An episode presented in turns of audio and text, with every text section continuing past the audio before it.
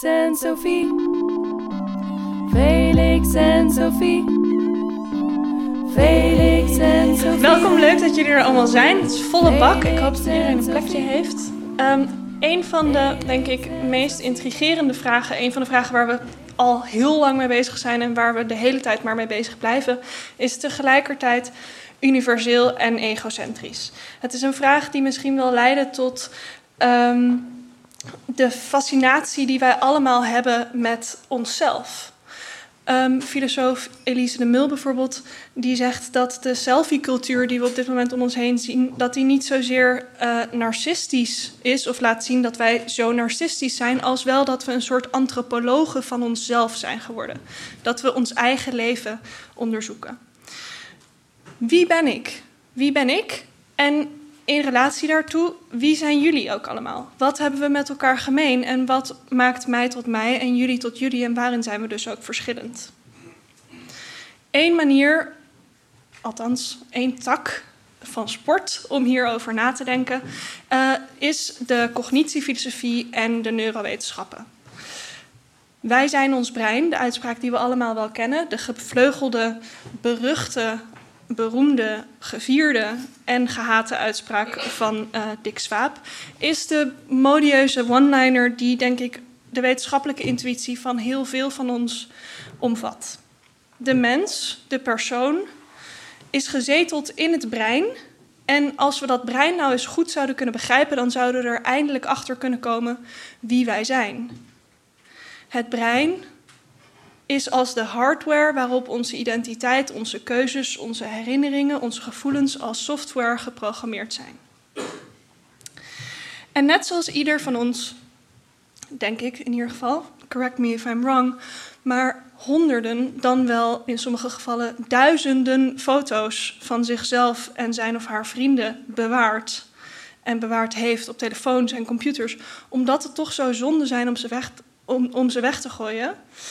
Zo zijn we eigenlijk ook gefascineerd met het bewaren van hele levens, met het bewaren van hele mensen. Wat nou als we, als ons lichaam al long gone is, toch nog zelf zouden kunnen voortbestaan? Wat als we de ongemakken van ons lichaam voorbij zouden kunnen komen door onszelf te downloaden of te kopiëren? Als we mij zouden kunnen downloaden en een soort heel ingewikkeld USB-stickje nemen en dat in een robot stoppen, wat gebeurt er dan? Zit ik dan in de robot? Ben ik de robot? Ben ik zowel in mezelf als in de robot? What's happening? Het is ingewikkeld, maar ook mega interessant. Deze fantasie of het toekomstbeeld of deze vraag is de opening en het onderwerp van vanavond. Um, is het downloaden van mensen toekomstmuziek of een misvatting? Zou het kunnen of is het fundamenteel onmogelijk? Wat zouden we bijvoorbeeld downloaden als we onszelf downloaden? En wat zegt dat over ons mensbeeld, over de manier waarop we naar de mens kijken? En als we tot de conclusie komen dat wij niet een soort biologische software zijn, wat zijn we dan wel? Drie sprekers benaderen vanavond het thema. Uh, daarna nadat we hen alle drie hebben gehoord, volgt een korte pauze en een panelgesprek. En aan het einde van de avond is ook ruimte voor vragen vanuit jullie. Allereerst horen we zometeen Linde van Schuppen, uh, mede-organisator van de avond, um, die een column houdt uh, waarin zij op zoek gaat naar de manier waarop in science fiction films naar voren komt hoe wij denken over de menselijke cognitie en het brein. Linde is filosoof en promovenda aan de Radboud Universiteit Nijmegen. Haar onderzoek gaat over taal en communicatie uh, bij mensen met schizofrenie, waarin ze philosophy of mind combineert met linguïstiek en psychiatrie. Daarna volgt een korte lezing van Paul Tiesinga, waarin hij ingaat op de wetenschappelijke en technische vraagstukken rondom het downloaden van minds. Um, Paul is hoogleraar neuroinformatica, ook aan de Radboud Universiteit Nijmegen. um, en hij doet onderzoek naar de manier waarop informatie door het brein wordt verwerkt. De derde spreker komt van de Radboud Universiteit Nijmegen. Heel Nijmegen is leeggelopen. Geen van jullie woont in Nijmegen, is ook leuk.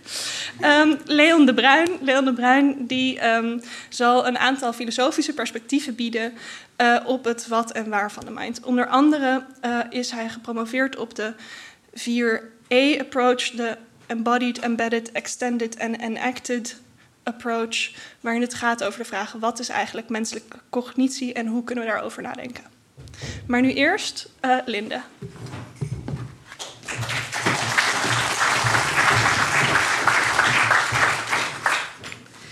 Ja, hallo allemaal. Moeten we nog het gordijn dicht doen trouwens? Of is dat mijn neurose? Bram, kan die gewoon dicht? We moeten van links naar rechts en dan Nee, van links naar rechts. Ja. En dan verderop. Ah nee, verderop gaat het goed. En het is ook belangrijk omdat ik het uh, voor het eerst eigenlijk vanavond met jullie ga hebben over film. Uh, ik vind dat zelf heel leuk. Ik ben een filmfan. Uh, en specifiek het genre science fiction. Nou, wat is science fiction? Kunst, gemaakt van ideeën. Kunst over wetenschap die nog niet bestaat. Kunst over onderzoek, dat zelf ook een onderzoek is. Science fiction is een gedachte-experiment dat bijvoorbeeld verkent hoe de mens zich zou kunnen of zelfs zou moeten verhouden ten opzichte van technologische verandering. Behalve een experiment kan science fiction ook een self-fulfilling prophecy zijn. De technologie in 2001 Space Odyssey lijkt verdacht veel op de hedendaagse iPods, tablets en andere Apple-producten. Toeval? Maar bovenal is science fiction een spiegel. Het genre reflecteert onze verwachtingen van de toekomst, ingegeven door ons huidige beeld van mens en maatschappij.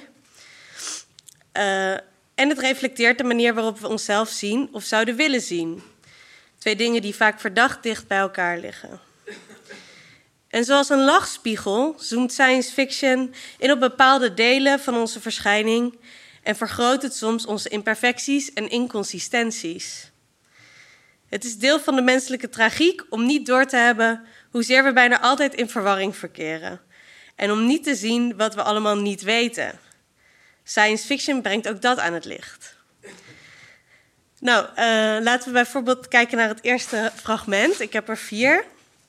Het is een clip uit Captain America Winter Soldier waarin uh, cap de captain en Natasha een oude vriend tegenkomen.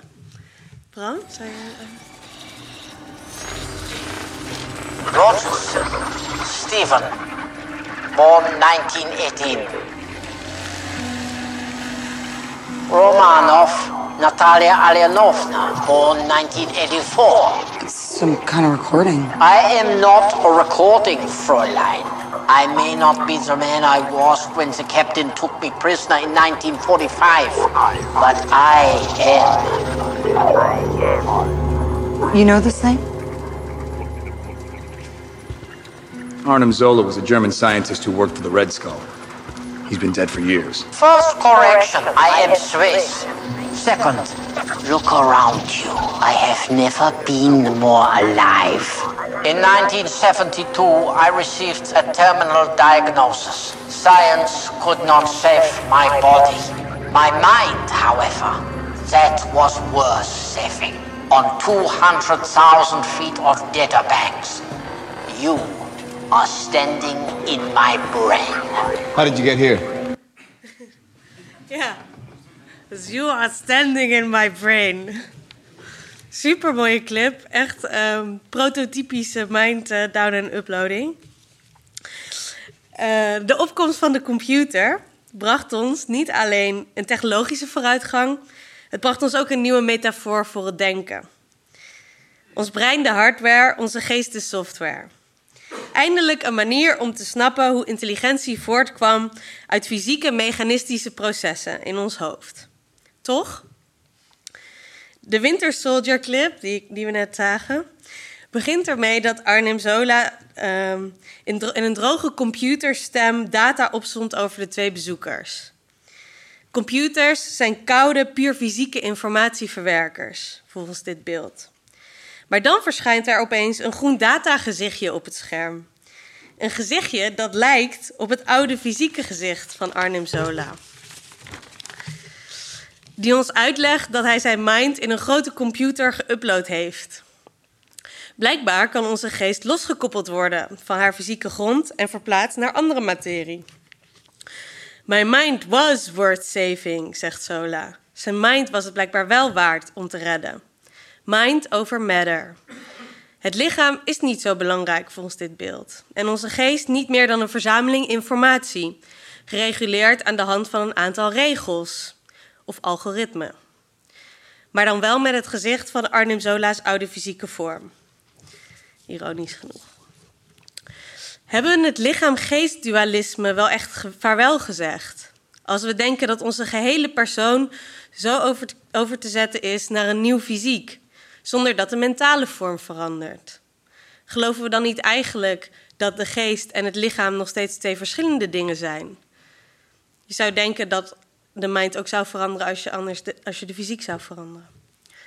En als wij onze materie zijn, zou het veranderen. Oh, dat heb ik al gezegd, sorry. um, en ook niet onbelangrijk. In hoeverre kunnen we onze geest reduceren tot een combinatie van informatie en regels? Computers zijn goed in het berekenen van optimale uitkomsten, zolang iemand ze vertelt wat optimaal is. En in een omgeving die beperkt is in haar veranderlijkheid. Een schaakcomputer werkt met een beperkt aantal regels en een beperkte hoeveelheid veranderende informatie. Maar wat als een computer door een omgeving moet navigeren die altijd constant verandert? Kunnen we dat opvangen met een eeuwig aantal als-dan regels? En hoe programmeren we dan die flexibiliteit en spontaniteit die Dr. Zola duidelijk wel tentoonspreidt? Die misschien niet in deze clip, maar sowieso ook wel later in de film. Want dan blijkt dat hij ze allemaal heeft gefopt en dan maakt hij grapjes en zo. Uh, ook in science fiction begint men langzaam af te stappen van de meer traditionele computergestuurde kijk van menselijke intelligentie of bewustzijn als informatie plus algoritmische regels. Misschien vindt onze fysieke breinmaterie zelf wel patronen in de grote hoeveelheden data die we dagelijks te verwerken krijgen. Misschien doen we dat niet op een per se rationele, als wel meer een organisch aandoende, zelforganiserende manier, zoals zoekmachines dat bijvoorbeeld lijken te doen. De ontwikkeling van we moeten ons brein zien als computer lijkt langzaam te bewegen naar misschien moeten we een computer maken die meer lijkt op ons brein. Uh, en als illustratie heb ik de volgende clip uh, uitgekozen van Ex Machina. Van weer die Anne? couldn't accuse me without admitting they were doing it themselves. Here, we have her mind. Structured gel. I had to get away from circuitry. I needed something that could arrange and rearrange on a molecular level, but keep its form when required. Holding for memories, shifting for thoughts. This is your hardware? wetware. And the uh, and the software. Well, I'm sure you can guess. Blue Book. There's the weird thing about search engines. It's like striking oil in a world that hadn't invented internal combustion. Too much raw material. Nobody knew what to do with it. You see, my competitors they were fixated on sucking it up and monetizing via shopping and social media. They thought that search engines were a map of what people were thinking, but actually they were a map of how people were thinking. Impulse, response, fluid, imperfect, patterned, chaotic. Wat we in deze clip heel mooi zien is een verandering van het idee van informatie plus regels naar iets wat dynamischer is. Hij zegt het is geen hardware, het is wetware. Het is imperfect. Het zoekt patronen. Overigens is dit in de film uh, daadwerkelijke brein van de robot uh, Eva. Dat was ik vergeten erbij te zeggen. En de mind van robot Eva bestaat uh, dus uit wetware. En het is, is, niet zozeer geprogrammeerd door andere mensen, maar ze leert door zelf patronen te herkennen in grote hoeveelheden data. Zo leert ze over micro-expressies door toegang te krijgen tot de camera's van een groot aantal mobiele telefoons die op dat moment in gebruik zijn. En daardoor kijkt ze naar de gezichtsuitdrukkingen van mensen. En leert ze de meest uh, kleine micro-expressies te herkennen en te interpreteren. En dit druist in tegen ideeën uit bijvoorbeeld de Matrix, zoals. Brouw.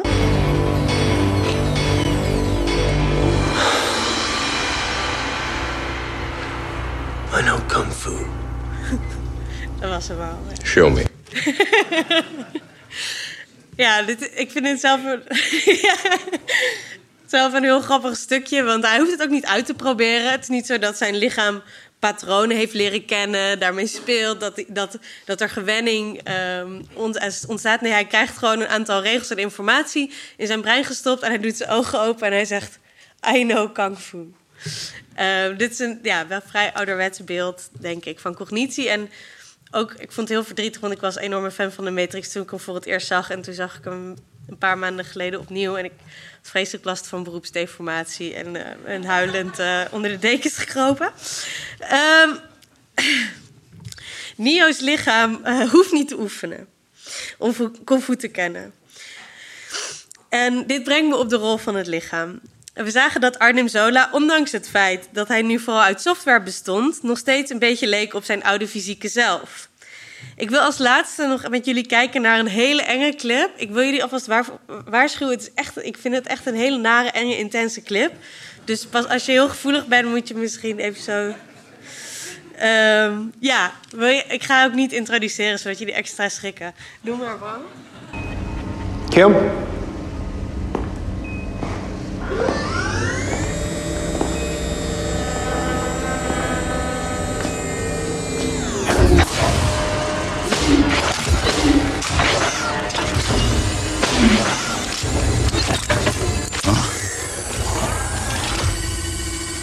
No. Holy Christ. Holy Christ. Holy Christ, there's nothing left.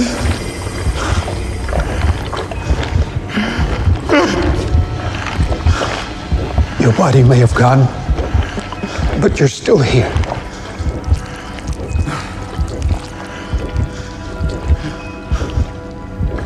It's not even my brain.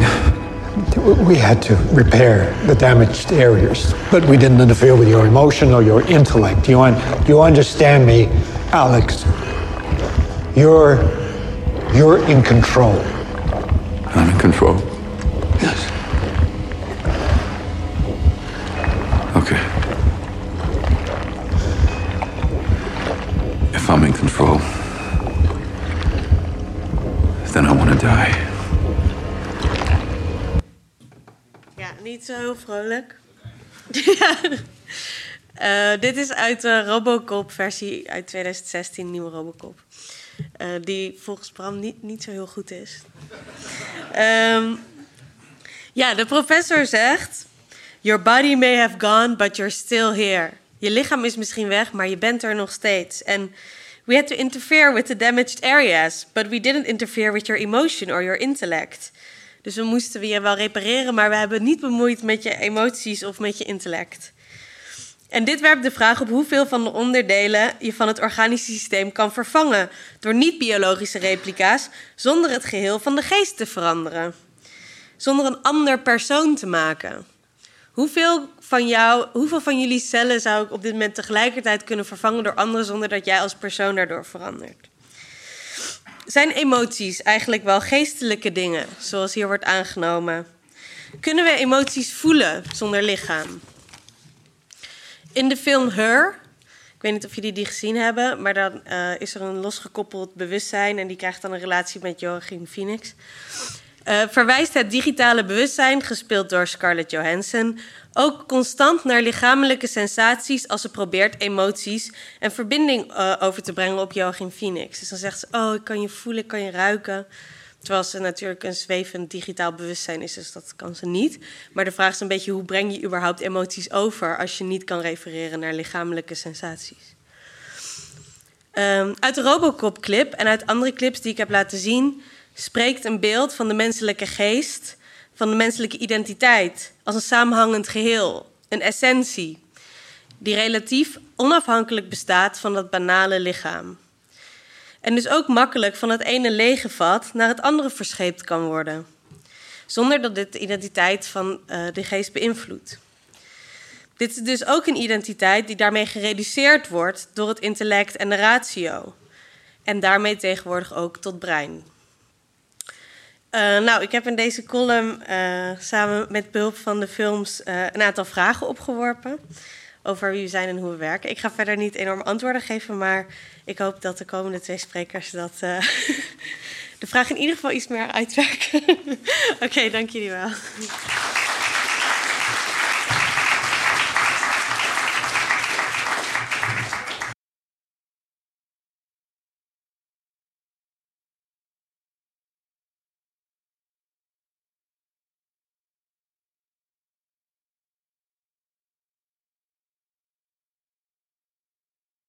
Nou, bedankt voor het uh, komen en bedankt voor het uitnodigen van mij.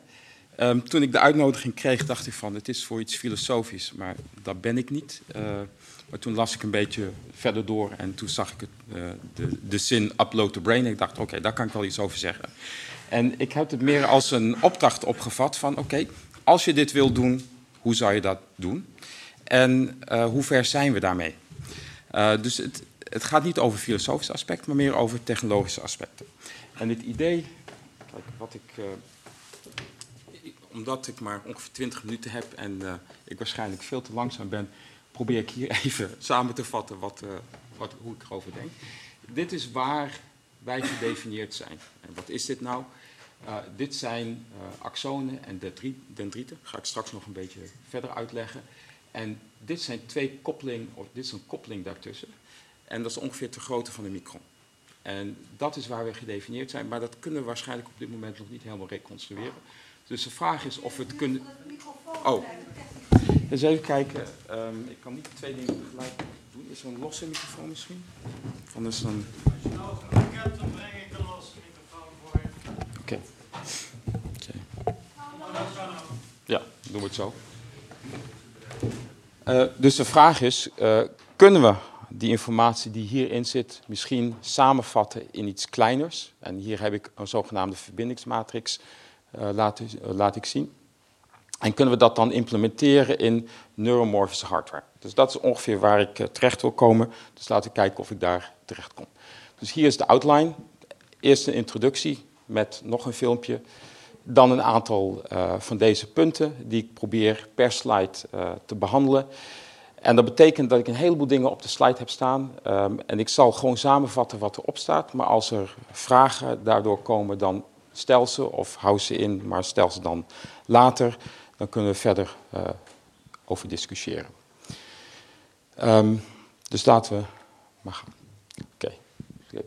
Um, hij begint vanaf het begin. Dat betekent dat hij iets te lang duurt. Eigenlijk uh, het belangrijkste gedeelte is rond een minuut. Please welcome my partner in science and in life, Dr. Will Castor. The path to building superintelligence requires us to unlock the most fundamental secrets of the universe. Imagine a machine with a full range of human emotion.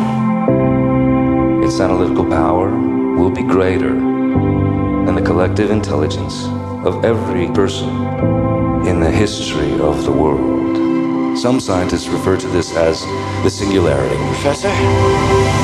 I call it transcendence. A series of attacks conducted by a radical anti tech group known as Rift.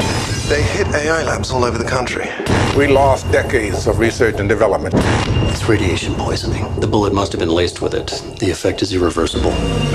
Will's body is dying, but his mind is a pattern of electrical signals. We can upload his consciousness. We can save him. Not like this. Assuming that this works, if we missed anything, a thought, a childhood memory, how will you know who you're dealing with?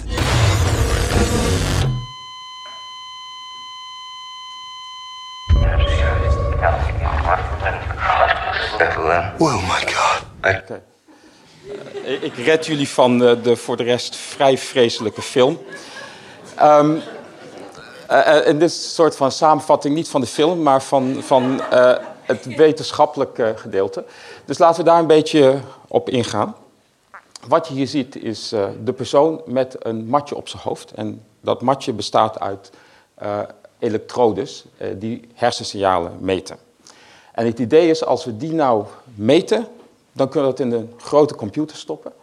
En dan kunnen we iemand reconstrueren.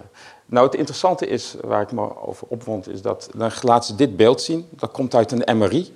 Een MRI ziet er niet zo uit als een enorme tube of een ja, buis die je niet zomaar op je hoofd kunt dragen. Er zijn wel mensen die proberen om uh, MRI wat, wat kleiner te maken, maar daar gaat het niet over. Dus um, ja, laat ik dan ietsje uitleggen over de hersenen, want ik wist niet precies wat voor publiek het was, maar ik neem aan dat niet iedereen uh, opgeleid is in neurowetenschappen, dus laten we beginnen. Eerst, dit zijn de hersenen. Je had de bovenkant al in Robocop gezien. dit ziet er wat minder erg uit, omdat de bloedvaten er niet zitten. Het is ongeveer anderhalf kilo als je het in je hand houdt, als je een beetje zo schudt. Net zoals in die film um, Deus Ex Machina. Uh, dan, dan schudt het een beetje, het is een beetje gelachtig. Als je nou de bovenkant uh, eruit haalt, want het is helemaal uh, vervormd, en uitspreidt, dan krijg je een soort van tafelkleed van 50 centimeter bij 50 centimeter. Dat is de hersenschors die in onze schedel zit. Daar zitten ongeveer 100 miljard neuronen in. En um, uh, dat is ongeveer 100 biljoen of misschien een 1000 biljoen synapsen. En dat, heb ik het net over. Het is makkelijker te begrijpen als je over 1 kubieke millimeter hebt. Dus ja, wat je eigenlijk niet kunt zien, de afstand tussen mijn vingers. Daar zitten dan ongeveer 100.000 neuronen in. En die zijn verbonden door ongeveer een miljard synapsen. En op het niveau van een enkel neuron, wat ik dan hier laat zien, um, heb je ongeveer 1000 tot 10.000 synapsen die daar um, binnenkomen. En dat neuron zelf is 10 tot 50 micron groot. Dus als dit een meter is, dit een millimeter, dan is het nog één stap kleiner dan dat. Um, hier is de basis van de neurowetenschappen. Dit is het neuron, het cellichaam. Daar zit een axon aan. Dat is een soort van uh, ja, zendmast. En uh, die contacteert andere neuronen uh, op ja, een soort van antenne. Dat heette de dendrieten. En dit ding is elektrisch actief. Dat wil zeggen, als je een elektrode erin steekt en je meet wat is het spanningsverschil tussen de binnen- en buitenkant, dan meet je meestal rond de minus 70 millivolt. Um, maar soms, dus dit is minus, minus 70 millivolt, soms zie je opeens dit ding omhoog gaan. Dat is een actiepotentiaal, spike, uh, hoe je het ook wil noemen. Spike is meer de Engelse term.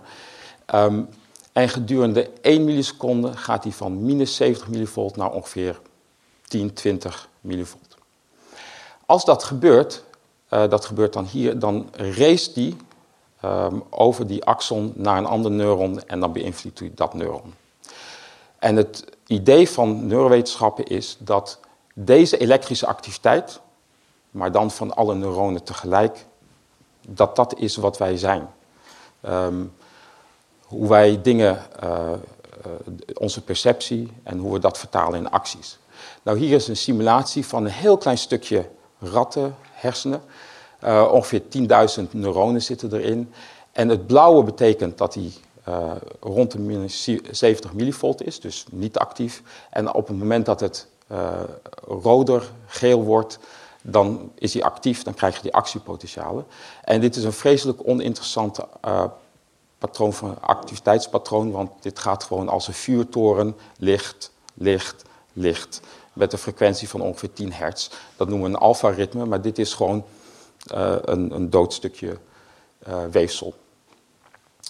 Uh, dit kun je gewoon eigenlijk, dit, dit, was op een supercomputer gedaan, maar dit kun je nu tegenwoordig wel op je eigen laptop enigszins simuleren. Iets kleiner, ja, dat kun je wel simuleren.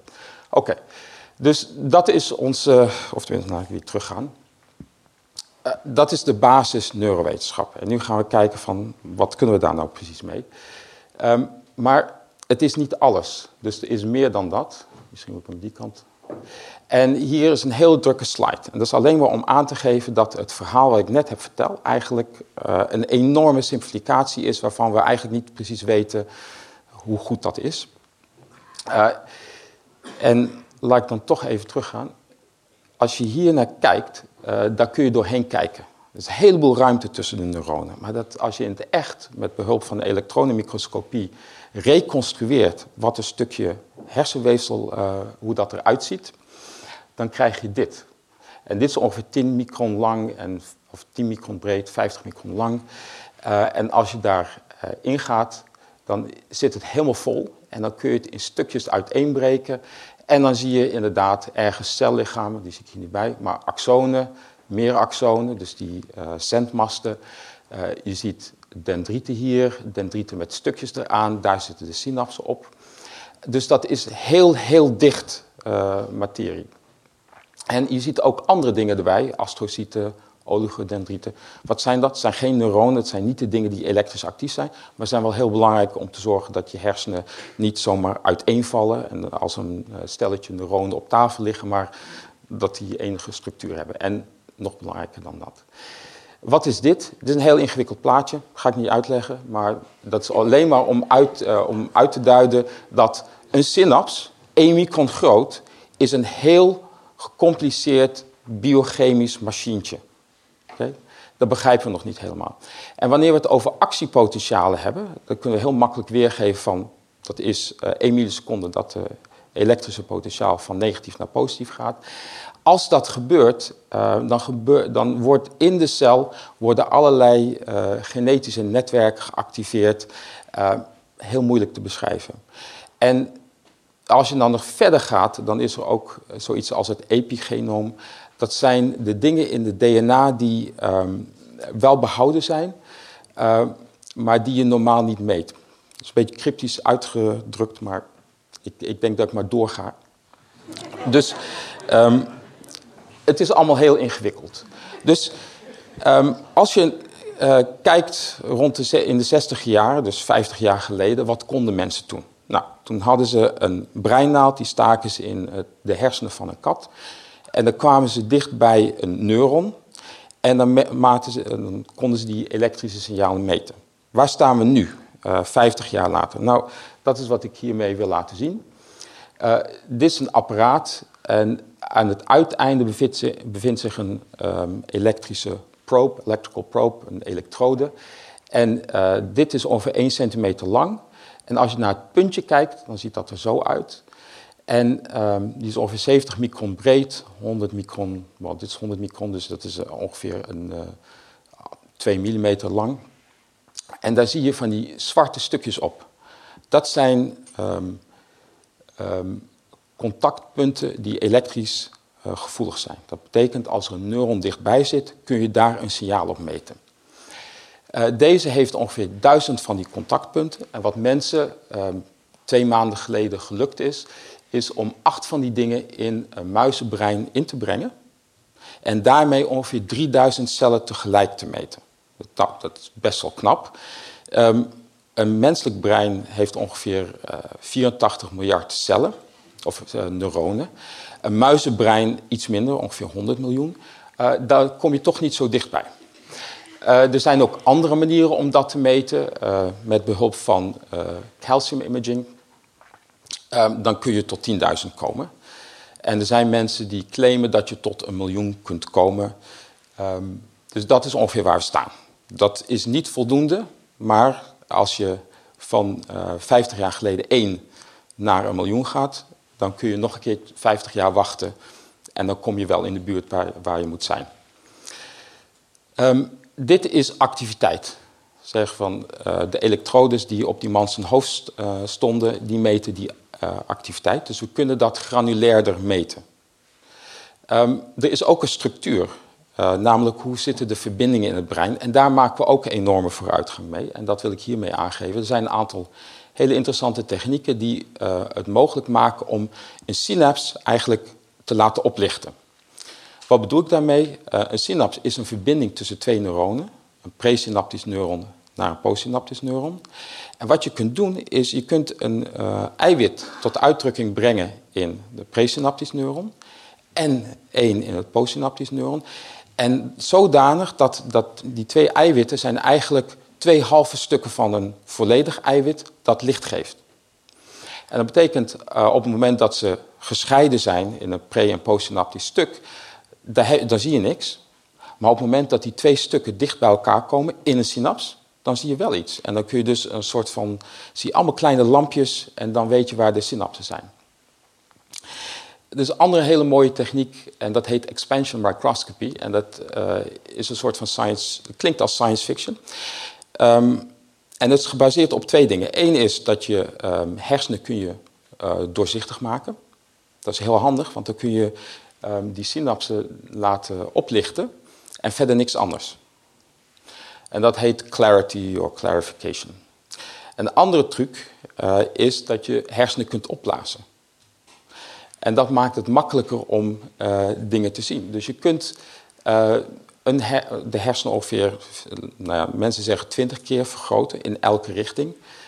Maar praktisch zeggen ze dat ongeveer vier. dus met die technieken kunnen we een hoop komen. maar op dit moment zijn we niet ver genoeg. Oké, gaan we verder. Um, ik vroeg me af, waarom zijn mensen intelligent? En op zich vraag je af, waarom vraag je dat af? Maar oké.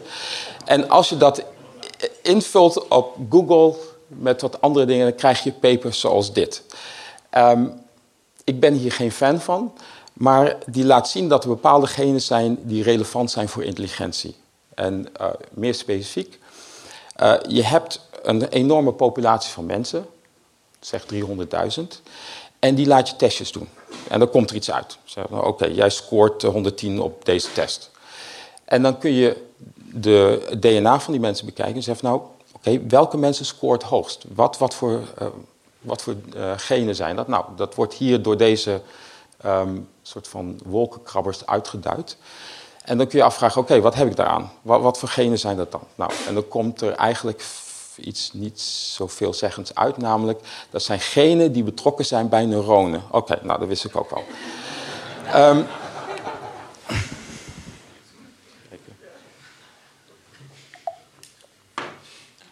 Um, dan kun je vragen, oké, mensen zijn intelligent uh, als we ze gelijken, vergelijken met muizen en andere beesten. Oké, waardoor komt dat? Uh, dat weet ik niet, maar je kunt wel kijken naar de structuur van de hersenen. Um, dit is gewoon als je de hersenen in plakken opsnijdt, behalve deze. En dan zie je verschillen tussen een muis en ergens zal er vast een mens zijn hier. Um, en je kunt kijken naar dit, deze ja, schors die eromheen zit, de hersenschors. En dan kun je inderdaad ontdekken dat als je een muis of een knaagdier vergelijkt met een mens, dat er een verschil is.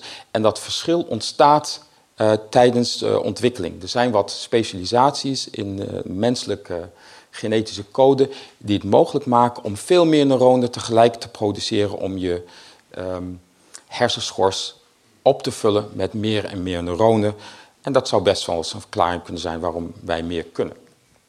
Oké. Okay. Um, dus rodent is human, uh, ja en nee. Um, menselijke hersenen zijn ingewikkelder, maar qua organisatie, hoe neuronen met elkaar praten en hoe die netwerk, netwerkmotieven hun berekeningen doen, zijn ze niet verschillend. Oké, dan uh, de, ja, ik heb dit soort praatjes ook wel eens vijf tot tien jaar geleden gehouden. En dan zei ik altijd van ja, menselijke hersenen zijn beter dan computers. Want uh, er zijn een aantal dingen die ze niet kunnen. Bijvoorbeeld object recognition, het herkennen van objecten. Dat is een auto, dat is een mens, et cetera. Dat konden computers niet zo goed. Ja, nu kunnen ze dat wel. Dat is deep learning. En dat is gebaseerd op uh, dit soort netwerken. En dat lijkt heel erg op de netwerken die in de menselijke hersenen zitten, alleen dat zie je hier niet aan af. Maar menselijke hersenen hebben bepaalde gebieden en die gebieden zijn met elkaar verbonden en die vormen een soort van um, ja, cascade. En je begint vooraan, dan ga je hier naartoe, daar naartoe, et cetera. En dat is wat dit soort uh, deep learning artificial intelligence model ook geeft. Dan krijg je al dat, die, die modellen kunnen allerlei mooie dingen produceren. Maar dit is eigenlijk uh, waar je misschien het meeste op moet opwinden, over moet opwinden of um, bang voor moet zijn of blij voor moet zijn. Go is een heel moeilijk uh, spel. En schaken is moeilijk, Go is kennelijk nog moeilijker, in ieder geval voor computers.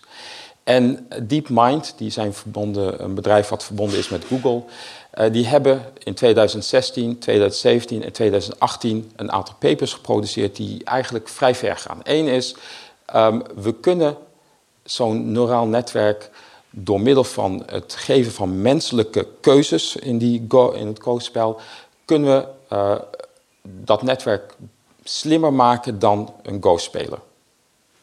Maar je hebt mensen nodig, die, die moeten dit netwerk trainen. De volgende stap is, gooi die mensen weg. Laat uh, het netwerk tegen zichzelf spelen. En um, daardoor werd dit netwerk veel slimmer dan uh, menselijke Go-spelers. Maar ook veel slimmer dan het netwerk wat door mensen getraind was. En de volgende stap is, okay, we kunnen een algoritme verzinnen wat verschillende spellen tegelijk kan leren. Dus die extraheert wat uh, hetzelfde is aan bepaalde uh, spelen en kan dan leren om dat op te lossen. Dus um, ja, mijn conclusie is, is dat de, de mens niet beter is dan de machine. Dat uh, wat dit soort dingen betreft eigenlijk de machines beter zijn. Oké. Um, en dat er, ja, daar kom ik straks aan toe, maar oké. Dan um, stel dat we nu uh, technologisch zo ver komen dat we een hoop neuronen, bijna alle neuronen tegelijk kunnen meten, de activiteit. Of alle verbindingen, bijna allemaal tegelijk kunnen reconstrueren met die technieken die ik niet helemaal goed heb uitgelegd. Um, wat, doe je daar dan, wat moet je daar dan mee doen?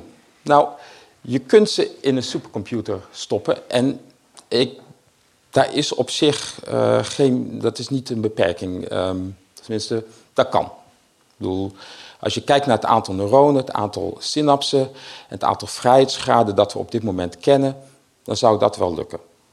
Dus we moeten wel vijf tot tien jaar wachten, maar ik denk dat is niet een principieel bezwaar. Quantum computers weet ik niks van, maar ik vond dit plaatje mooi, dus ik heb erbij gestopt. Um, dan zijn er een aantal dingen waar je misschien niet over na hebt gedacht. Eén is neuromorphic devices. Dus ik had hier een plaatje laten zien, verder ook niet uitgelegd, van zo'n netwerk. Wat doet zo'n netwerk? Wel, zo'n netwerk neemt een hoop inputs, um, vermenigvuldigt, vermenigvuldigt die met een weegfactor. En dan komt er iets uit. En dat doe je dan voor een heleboel verschillende uh, weegfactoren. Nou, daar hoef je, uh, dat zit in het menselijk brein, uh, maar dat kun je tegenwoordig ook als een chipje maken. Dus dit is, hier zit een CPU in. Dit is gewoon um, een stukje hardware wat berekeningen doet zoals de menselijke hersenen. Alleen op dit moment redelijk gesimplifieerd, te simpel. Uh, je ziet hier 2 micron. Als je nadenkt over een neuron, wat 50 micron is, dan kun je meer van dit soort dingen erin stoppen dan je neuronen in de hersenen kan instoppen, als je tenminste in 3D kunt werken. Dus dit gaat enorm snel vooruit. Dit is een paper uit 2015, maar um, de contactpunten die hier zitten, uh, daar worden steeds nieuwe substraten voor verzonnen en dat wordt beter en beter. Dus dat gaat enorm vooruit. En je kunt die deep learning dingen die op deze computers een hoop energie kosten en een hoop hardware, die kun je redelijk efficiënt op dit implementeren. Dan heb je dit, dat zijn brainoids. Je hebt vast wel gehoord van stamcellen. Um, er zijn nu manieren om een stukje van je huid te nemen en die cellen die je in je huid hebt zitten, zodanig te instrueren dat ze weer zich als een soort van stemcellen gaan gedragen en gaan groeien. En als je dat doet en je wacht lang genoeg, dan krijg je dit. En dat is moeilijk aan dit plaatje te zien, maar als je teruggaat hiernaar, dan zie je enige, enige gelijkenis in de structuur die je hier ziet. Oeps en de structuur die je hier ziet. Hoe lang moet je wachten? Enig idee? Iemand zegt drie jaar. Kijk, normaal zou je zeggen 20 jaar of 30 jaar, dan heb je volwassen hersenen. Maar dit kost misschien 100 dagen. En er zijn grote verschillen wat, wat je nu kunt bereiken en um, menselijke hersenen of menselijk hersenweefsel. Maar dit gaat ook enorm snel vooruit. Uh, dit is een wat, wat cryptisch gedeelte. Um, als je dit voor elkaar krijgt, dan moet je die dingen trainen om ze te kunnen uploaden, om hersenen te kunnen uploaden of downloaden. En daar heb je nieuwe technieken voor. En er zijn gewoon een hoop nieuwe technieken die ik niet kan uitleggen.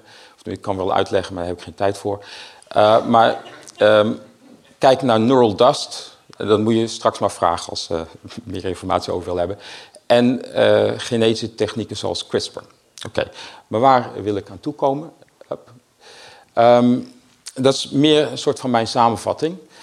Um, ja, volgens mij is de, zijn de hersenen gewoon een hele complexe machine, maar het is gewoon een machine. Um, ik denk niet dat we iets anders nodig hebben om de mind te verklaren. Um, het menselijk brein is speciaal in de zin dat het uh, wat uh, aanpassing in de structuur heeft uh, die het mogelijk maakt om wat meer neuronen in te krijgen. Er zijn ook andere verschillen waar ik het niet over heb gehad.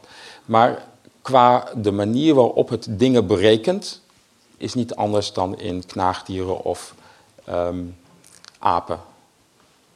En het is in wat bepaalde aspecten niet beter dan computers. In feite slechter. Um, als we extrapoleren, dan kun je zeggen dat het, de hersenen begrepen kunnen worden en gekarakteriseerd kunnen worden met de technologie die we nu hebben.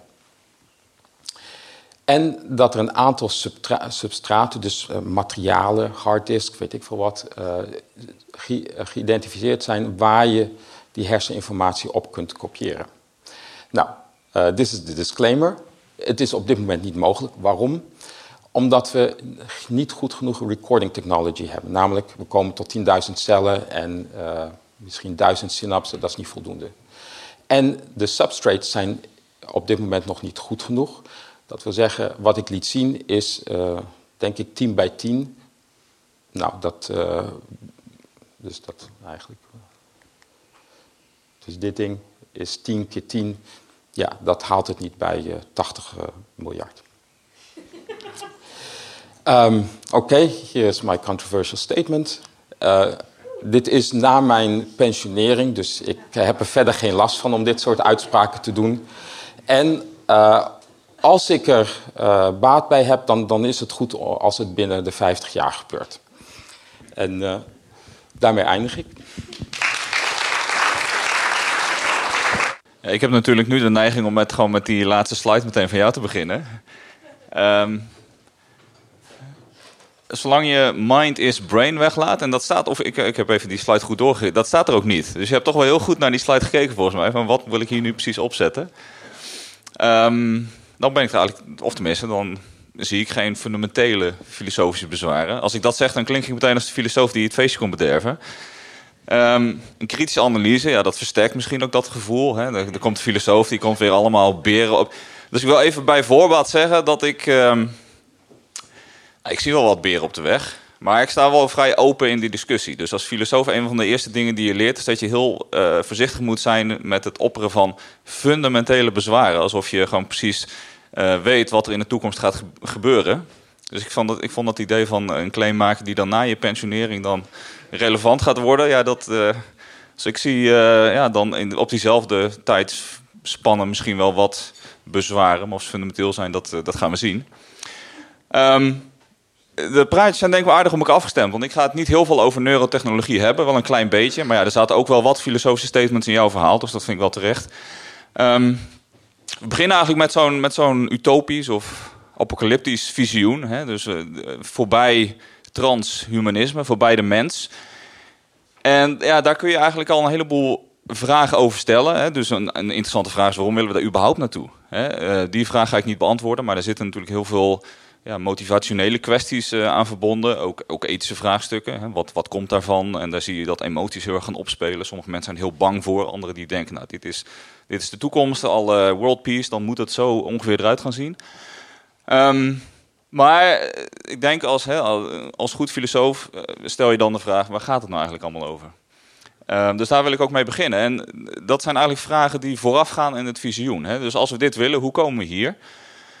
Um, en ik denk waar het vandaag de dag en ook in het, uh, in het debat, wat nu wel heel erg leeft, interessant genoeg, hè, over, over kunstmatige intelligentie, over uploaden, downloaden.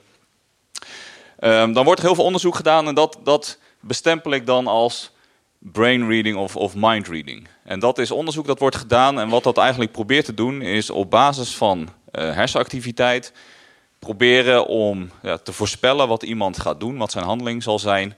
Of proberen te achterhalen wat zo'n persoon denkt of voelt. Of in ieder geval wat er in het hoofd van die persoon zich afspeelt. Ehm, dit is een ontzettend interessant gebied. Er zijn ook heel veel studies eh, naar gedaan. Het is al een tijdje aan de gang. Dus dit is wel een, eh, als we toch de Radboud zo aan het verheerlijken zijn vanavond, eh, een studie van de Radboud, hè, waarin ze eigenlijk probeerden te laten. En dus wat het onderzoekers eigenlijk deden, was dat ze op basis van de hersenactiviteit van de proefpersonen probeerden te achterhalen wat die personen aan het lezen waren. En dat konden ze redelijk goed eh, decoderen. En dat wordt natuurlijk heel mooi meteen gezegd. Het is er gelukt om gedachten te lezen. Ehm, ja, waarom is dit dan interessant? Nou ja, waarom het überhaupt dit, dit soort van onderzoek interessant is, dat, dat zie je bijvoorbeeld hier. Ehm, Owen is onder, on- is eh, deel, maakt deel uit van een onderzoeksgroep. Wat zij bijvoorbeeld doen is met mensen communiceren die eh locked-in syndroom hebben. En die mensen, met die mensen kun je eigenlijk niet op een normale manier eh, interacteren. En dan is het natuurlijk heel interessant als je door middel van eh brain reading eh, erachter komt ko- kunt komen wat zo'n persoon vindt of wat zo'n persoon wil. Dus een, een ethisch extreem lastige maar relevante vraag is: wil je verder met je leven? En hoe weet je dan of zo'n persoon dat wil? Ja, en dus dat, dat is een potentiële manier om die techniek in te zetten. Natuurlijk ook weer met allemaal ethische vraagstukken, want hoe goed is de techniek versus van eh, we gaan het doen? Hè? Dus zeg- zegt zo'n persoon, eh, of lijkt zo'n persoon te suggereren op basis van eh, hersenactiviteit van nou ja, maak er maar een eind aan. Dan moet je toch wel vrij goed weten dat de apparatuur werkt en dat de methode betrouwbaar is. Ehm, maar hier, zit, hier lijkt absoluut eh, muziek in te zitten. Maar zoals ik al zei, daar ga ik het eh, niet over hebben. Ehm, dus ik ga lekker op de, de filosofische tour. Eh, een, een paar beren op de weg eh, met jullie. nou, niet met jullie, nu gaat het met voor wat ver. Eh, ik ga gewoon wat obstakels noemen die ik, ehm, of in ieder geval die in de filosofie naar voren zijn geschoven. En dat komt omdat, wat ik net noemde, dat brain reading of mind reading, hè, wat we nu doen, ja, dat moet je naar dat visioen toe eigenlijk meer als een opstapje zien. Hè, want we moeten natuurlijk nou, we, zijn, we proberen nu dat, dat brein te lezen en voorspellingen te maken op basis van die hersenactiviteit. Maar om te downloaden of te uploaden moeten we meer dan dat. Dan gaat het bij downloaden, eh, ja, we moeten het niet alleen kunnen lezen, we moeten het ook kunnen kopiëren. En dan moeten we het ergens anders naartoe kunnen verzenden en daar kunnen opslaan. Dus een of andere substraat wat in het vorige verhaal werd gesuggereerd. Dan moet de, de inhoud van de geest naartoe. Dat is allemaal tussen aanhalingstekens, want het is natuurlijk niet helemaal duidelijk wat dat dan precies is. Dus ehm, zolang je het hebt over het brein, nou, dat is allemaal super complex zoals we het net hoorden. Maar voor mij is de interessante link ook van ja, mind-brain, is dat dan wel precies hetzelfde? En als we het over de inhoud van de menselijke geest hebben, hebben we het dan inderdaad over de inhoud van het brein. Ook als het gaat om uploading, ja, dan moet je dus. ehm, dan gaat het niet alleen om dat je weet wat er in het brein zich afspeelt, maar dan moet je daar dus nieuwe informatie naartoe kunnen zenden. Nieuwe informatie kunnen plaatsen. Nou, dat is eigenlijk veel van wat ik zeg is gewoon voortbedurend op wat Lindal heeft eh, verteld. En eh, inclusief de filmfragmenten. Dus I know Kung Fu. Ik zou zeggen, dat is gewoon uploaden. En dan krijg je gewoon een programmaatje waardoor je Kung Fu krijgt, eh, kennis krijgt. Dat lijkt me helemaal fantastisch. Niet alleen voor Kung Fu trouwens. Er zijn heel veel gebieden waarin ik graag mijn expertise zou willen vermeerderen op deze manier. Ehm, ik ga me eigenlijk met name concentreren op, op dat downloaden. Dus wat betekent het? Kunnen we verwachten dat we de mind eh, kunnen kopiëren en dat op een andere manier ergens anders kunnen opslaan? En nog even iets meer filosofisch geneuzel. Hè. Dus dit zijn dan gewoon netjes de stapjes die we moeten doen. Eh, maar dan is er ook volgens mij nog wel een belangrijk punt van wat wordt er precies gekopieerd en gedownload? Hè, gaat het om het hele besturingssysteem? Of gaat het om de zogenaamde apps, de, de programma's? Of gaat het over de data van die applicaties? Dus gaat het over, nou, ik weet, is dit Ubuntu? Weet iemand dat? Ja? Oké. Dus is het Microsoft, Apple, Ubuntu of Linux?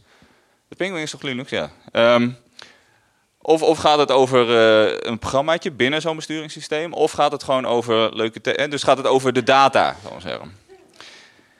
En dat is wel een relevant onderscheid. Nou ja, met name het onderscheid tussen die ehm, ehm, applicaties en, en de data. En of je dat kunt lostrekken, daar hebben we het dan zo meteen nog over. Maar ik, ik zie verschillende beren met deze verschillende mogelijkheden geassocieerd worden. Dus daar hey, dat is een leuke. Daar ga ik het uh, even met jullie over hebben. Dus laten we eerst eens even kijken naar die data. Dus we beginnen even met het tweede punt. Hè. Dus wat, wat zien we nou eigenlijk voor een probleem met downloaden als we ons concentreren op het idee dat, het, dat er data is? Um, wat, wat is de inhoud van de, van, van de geest? Wat is de inhoud van, van de mind? Dat, dat noemen we dan voor het gemak even data. Eén probleem, als je, als je de, de, de menselijke geest zo karakteriseert, die zegt, nou, de, de inhoud van de menselijke geest is data, dus mijn overtuigingen, mijn verlangens, intenties, emoties, etc. Dat is de data die we gaan lezen, die we gaan kopiëren, die we ergens gaan opslaan. Dan is één eigenlijk beer die ik direct zie, is dat mijn mentale toestanden of mijn, mijn mentale data, die is intentioneel, zoals dat in de filosofie wordt genoemd. Dat betekent, die heeft betrekking op dingen in de wereld. Het gaat ergens over. Het heeft een object. Hè? Dus ik heb bijvoorbeeld een overtuiging dat ik ehm, mijn koffie, of tenminste is nu leeg, uh, mijn lege kop koffie daar, uh, mijn lege koffiekop daar op tafel had gezet. Dus mijn overtuiging gaat over de tafel en dat daar iets staat. Dat betekent dat de buitenwereld eigenlijk mede bepalend is voor de betekenis van die overtuiging. dus mijn koffie staat daar op tafel. Als je mij nu in een andere context zet of in een andere omgeving, dan krijgt, die, die, dan krijgt mijn overtuiging een hele andere betekenis. Dat daar wordt ineens vreemd of andersoortig of kan een hele andere invulling krijgen. En in de filosofie zeggen ze, ja, dat is dus een probleem voor de aanname dat alles echt tussen je oren zit. Hè? Dat het mentale tussen je oren zit. Want wat het suggereert, is dat de wereld, of in ieder geval de, de context, mede bepalend is voor wat jij vindt, voor wat jij denkt, voor wat jij voelt, voor wat je ervaart. En de vraag is natuurlijk, als je het dan over dat uploaden of dat het downloaden hebt, je hebt het over het lezen, het kopiëren en het opslaan, hoe kun je die context afhankelijkheid meenemen? hoe kun je een begrip zoals daar, hoe kun je dat decoderen, kopiëren en ergens anders opslaan? Omdat het afhankelijk is van die specifieke tafel. Of het feit dat daar verwijst naar die tafel. Nou, dit is allemaal, ik heb uh, ook allemaal ingewikkelde dingen erbij die, uh, kan, kan, die kan ik gaan uitleggen. Maar, uh, dus in de filosofie heb je een, een, een berucht gedachtexperiment, Twin Earth, oftewel tweelingaarde. Um, en het idee daarvan eigenlijk is dat het, wat ik net heb verteld, dat het die, die intuïtie eigenlijk naar voren wil schuiven. Dus de, de, de basale assumptie is dat er een, een, een andere wereld is, die eigenlijk helemaal identiek is aan deze aarde. En iemand zoals ik, identiek aan, aan mijzelf. Maar wanneer ik zeg, als ik het over water heb, refereer ik aan H2O. En wanneer die tweelingbroer van mij het over water heeft, dan refereert hij aan X, Y, Z. En nou ja, lang verhaal, het is natuurlijk een heel groot filosofisch essay om alle details en zo recht te krijgen. Maar komt erop neer dat wat het uh, gedachte-experiment wil illustreren, is dat dus de inhoud van mijn overtuiging een andere betekenis heeft, gewoon puur omdat het naar een andere substantie refereert. Hè? Naar X, mij naar H2O, van mijn tweelingbroer naar X, Y, Z. Met andere woorden, um, zoals Putnam, de bedenker van dit gedachte-experiment, zegt, Cut the pie any way you like, meanings just ain't in the head. dus wat jij vindt, jouw, de inhoud van jouw overtuigingen zit niet alleen in je hoofd. Dat wordt mede bepaald uh, in dit geval door hoe het begrip, uh, nou ja, hè, waar in onze geschiedenis erachter, we erachter zijn gekomen dat water H2O uh, eh, duidt.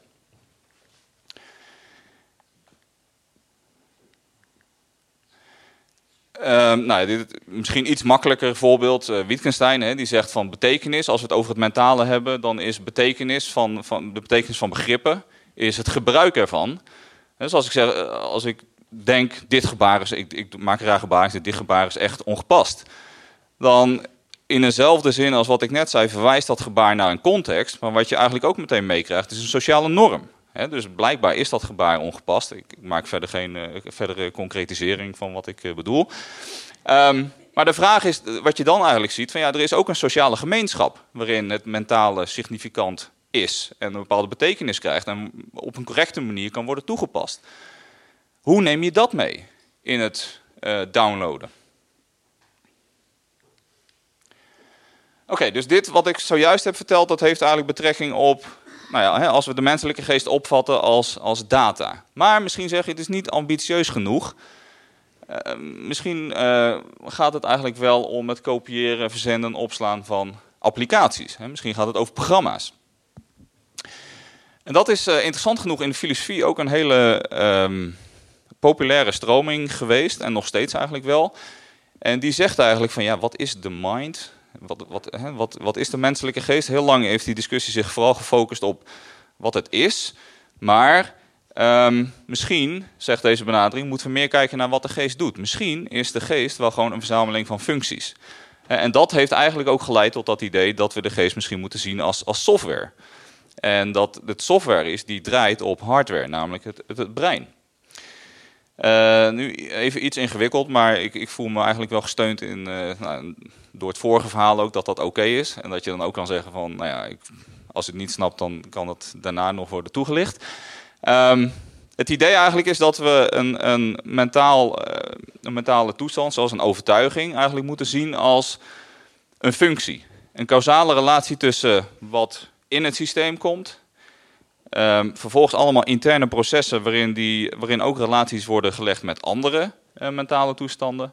En output. En een heel simpel voorbeeld van dit ex- extreem eh, abstracte verhaal is dat je zegt van ja, hoe moeten we pijn nu begrijpen? Wat is dat? Nou, pijn is gewoon een functie van hete koffie in je schoot. Je kunt niet langer logisch nadenken, dus allerlei interne relaties die raken door de war en je begint heel hard te krijsen.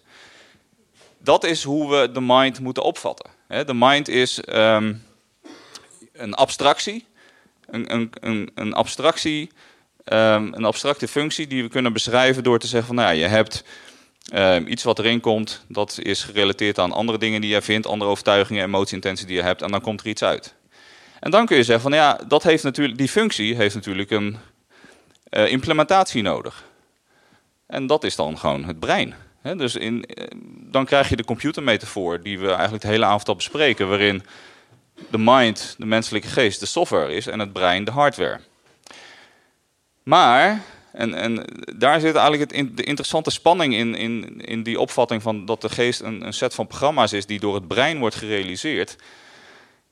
Kijk, als je, als je dat serieus neemt, dan zeg je van ja, pijn, eh, dus we kunnen pijn op die manier waarop ik net heb gedaan gewoon definiëren. En dan zeg je nou, in het brein, eh, dat is gewoon de manier waarop die functie wordt eh, geïmplementeerd. Maar software is natuurlijk niet reduceerbaar tot hardware. En software heeft ook een bepaalde manier van, abstractie. Het is ook niet afhankelijk van één platform.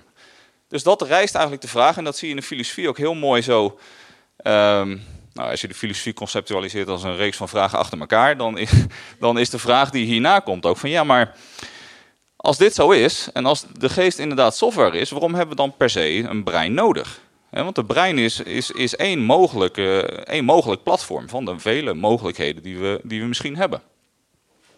Voor de mind. En nou ja, ik heb hier, dacht ik, is ook leuk om een beetje met, met plaatjes en, en emoties.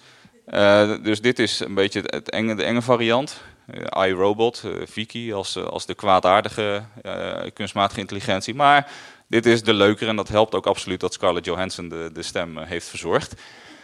Ehm, maar dit zou in principe ook een drager kunnen zijn van de menselijke geest. En nu komt het, het cruciale punt eigenlijk wat ik wil maken. Als de mind inderdaad software is, en in die zin dus niet afhankelijk is van één platform, hoe weten we dan zeker dat ze alleen op het brein, brein draait? Dat is een assumptie die we dan hebben, maar dat, dat is een assumptie die we dan eigenlijk niet. Nou, we kunnen hem natuurlijk verdedigen, maar het is niet vanzelfsprekend dat dat zo is. En dan kom ik eigenlijk bij, ehm, nou, in- de, de introductie van mij als persoon werd 4E cognition genoemd. En dat is eigenlijk een benadering van, van cognitie en de menselijke geest meer in het algemeen. Die zegt, die zegt nou, het brein is zeker belangrijk, maar er zijn andere aspecten die bijdragen aan, aan, aan cognitie, aan de menselijke geest. En ehm, de meest controversiële E, hè, dus je je 4E cognition, en je moet altijd oppassen dat het, er zijn heel veel filosofen die dan een neiging hebben om nog meer I's te gaan toevoegen. Dan op een gegeven moment wordt het I co- cognition. Ehm, maar de meest controversiële E is die van extended. En die zegt eigenlijk, nou misschien is het zo dat al om, om de menselijke geest te begrijpen, hoeven we ons helemaal niet beperkt te beperken tot tussen de oren. Een, een befaamd eh, essay van, van Clark en, en Chalmers die zeggen... Als we het idee serieus nemen dat de menselijke geest inderdaad een set van functies is, dan kan het prima zo zijn dat die functies worden geïmplementeerd door brein, lichaam en omgeving. Dat vormt eigenlijk een gezamenlijk mechanisme waarop de menselijke geest draait. En daar heeft het brein natuurlijk nog steeds een belangrijke rol in te spelen. Maar het is dus niet zo dat je dan door alleen op het brein te focussen kunt zeggen: nu hebben we het allemaal te pakken. Ehm, nog eventjes een, een gedachte-experiment wat in dat essay eh, wordt verwoord. Ook weer een mooi plaatje bij gevonden. Dus Otto en eh, Inga. En eh, de intuïtiepomp die Clark en Chalmers eigenlijk gebruiken is dat... ehm, ze willen allebei naar het MoMA, het is het Museum of Modern Art in, in New York. En Inga die weet waar ze heen moet, want die onthoudt dat gewoon. Of die is al een keer geweest en die weet dat nog. Dus die loopt daarheen. Maar Otto heeft Alzheimer en die moet dat opzoeken in zijn eh, notebook, in zijn eh, notitieblok. En Clark en Chalmers zeggen, in beide gevallen is het functionele proces eigenlijk hetzelfde. Waarom zouden we dan zeggen dat het in het ene geval echt om cognitie gaat en in dit geval eigenlijk niet? Dus wat maakt dat we dit geheel eigenlijk van, van Otto's brein en het, het boekje, een object in zijn omgeving, niet als een cognitief proces opvatten? En dat is eigenlijk de kern van hun argument, dat je cognitie en menselijk denken eigenlijk breder moet trekken dan het brein. Dat het zich kan uitstrekken, letterlijk kan uitstrekken in de omgeving. Lichaam en omgeving. En dus even terug te komen op dat, dat downloaden. Als het dus inderdaad zo is dat de menselijke geest... ehm, ja, om het toch maar even cru te zeggen, het is natuurlijk doorspekt met, dat, eh, met die computermetaforen. Maar als de menselijke geest wordt geïmplementeerd door brein, lichaam en omgeving, ja, dan heb je dus aan alleen breinapplicaties niet genoeg. Dus dan moet je toch meer in beschouwing nemen om. Ja, de vraag is of je dan überhaupt met downloaden kunt beginnen. Nou, je kunt er waarschijnlijk mee beginnen, maar je laat absoluut dingen achterwege. Nou, en dan komen we eigenlijk bij die computermetafoor zelf. Ehm, nou, ik heb daar gewoon even een rijtje van gemaakt van dingen waarvan je kan zeggen van hoe goed is die metafoor nou eigenlijk en welke dingen kloppen er nu aan en welke, of welke dingen kloppen er vooral niet aan. Ehm, ja, ga ik dit nu helemaal oplezen? Dat is nu een beetje mijn. eh, Nou, kijk, dus er zitten wel een aantal eh, fundamentele punten waarvan je kan zeggen van klopt dat nou eigenlijk wel als het om het brein gaat. Tegelijkertijd, en dat is eh, misschien nummer 8 die ik ehm, moet, zou, had moeten toevoegen. Kijk, een heel, een heel belangrijk punt is natuurlijk, je kunt op zo'n computer kun je wel heel mooi heel veel dingen ehm, simuleren. Hè? Maar zoals Searle al zegt, kijk, het feit, ik kan een regenbui eh, simuleren, maar dat waar ik nat van word, is, is niet de simulatie. Dus het, het feit dat we dingen kunnen simuleren op een computer, wil niet zeggen dat het, dat het hetzelfde ding is. Hè? Dus het feit dat wij aspecten van de menselijke geest kunnen simuleren door middel van een computerprogramma, wil niet zeggen dat onze eigen geest zo werkt. Maar het interessante aan wetenschap en aan menselijke vooruitgang is dat er heel sterk een interactie is, dat mensen op een gegeven moment met metaforen komen die, die gebaseerd zijn op techniek. Hè, ehm, als je kijkt naar de menselijke geschiedenis, zie je dat eigenlijk steeds gebeuren. En die vervolgens op zichzelf gaan toepassen. Dus we vinden de hydraulische pomp uit en we denken, nou, de, mens, de menselijke geest zal wel werken als een verzameling pompen. We vinden een computer uit en we denken, nou, de menselijke geest zal wel werken als een computer. En dat is een heel interessant proces, maar dat maakt dit ook een beetje moeilijk. Want ik, dus je kunt nu heel mooi gaan zeggen van, als we kijken naar het brein, dan klopt dat niet met hoe een computer werkt. Maar dat hangt natuurlijk heel erg af met ook hoe het brein op een bepaald moment in de tijd wordt begrepen. En naarmate je andere technieken gaat gebruiken om het brein te modelleren, of, of daar juist meer ehm, eh, computermodellen voor gaat gebruiken, dan, dan zou je kunnen zeggen, nou misschien, of, of dat je idee van het brein eigenlijk verandert, zoals we dat in dat ex eh, magina in die film zagen, dan zijn misschien sommige van deze punten wat minder legitiem. Ehm, maar kijk, dit is bijvoorbeeld wel eentje van, ik zou zeggen van, dus in een computer kun je zeggen, nou, je hebt data en je hebt programma's. Net zoals ik eh, net eigenlijk liet zien, zoals mijn argumenten gestructureerd. Maar is dat zo als je kijkt naar hoe een brein werkt? En kun je daar heel duidelijk zeggen, nou hier wordt alles opgeslagen en dan hier is waar alle programma's lopen.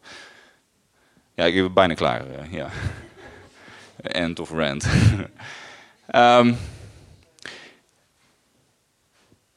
En, en natuurlijk, dat, eh, dit is het punt wat ik denk al heb gemaakt. Het brein is belichaamd. Het, zit niet los. Het, het zit in je hoofd. Je hoofd zit vast aan een, aan een romp en eh, lichaam in een omgeving. Dus dat maakt onderdeel van een bepaalde omgeving. En het hele idee dat je, daar, dat, je dat allemaal meekrijgt door je alleen op het brein te focussen, dat is denk ik een misvatting. Oké, nou laten we de rest van de slide maar even zitten. Eh kunnen we zo nog op terugkomen. Wat wel interessant zelf vind ik, is dat, ehm, en, en Linde refereerde daar al even aan, die computermetafoor is eigenlijk super dualistisch. Het gaat uit van een hele sterke scheiding van software en hardware. En kijk, als je gewoon zegt, nou, het is een interessante. eh, eh, we hebben de computer uitgevonden en dan kunnen we allemaal dingen gaan modelleren. Misschien komt dat een beetje in de buurt van wat wij mensen ook kunnen. Dan kunnen computers misschien spelletjes schaken op een gegeven moment beter eh, spelen dan mensen. Maar als je meer kijkt naar, zijn wij nu zelf, functioneren wij nu zelf als software, hardware, dan wordt dat heel lastig uit te leggen. Als je bijvoorbeeld eh, denkt aan evolutie, eh, de evolutie van de mens, hè, evolutie, biologie, psychologie. Ja, je kunt moeilijk zeggen dat software op een of andere manier uit hardware evolueert. Of hoe, hoe werkt dat? En daar komt, daar komt dat dualisme, dat brengt wel echt stevige, stevige problemen eh, met zich mee. En het, het andere punt, maar dat heb ik denk ik al eh, gemaakt, is dat wat de metafoor eigenlijk niet meepakt, is dat als je het brein bestudeert, je lichaam en omgeving daar niet te makkelijk eh, buiten beschouwing moet laten. Goed, dat was mijn verhaal. Ehm, nou, wellicht eh, dat jullie nog vragen hebben. Ik weet niet hoe we doen qua tijd nu. Ehm, goed? Ja, perfect. Dankjewel.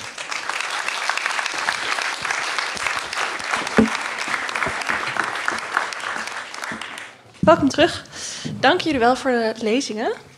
Eh, ik vond het super interessant. Ik heb tijdens jouw lezing, Paul, allemaal cijfers opgeschreven. Ik weet niet of ik daar uiteindelijk nog iets mee kan.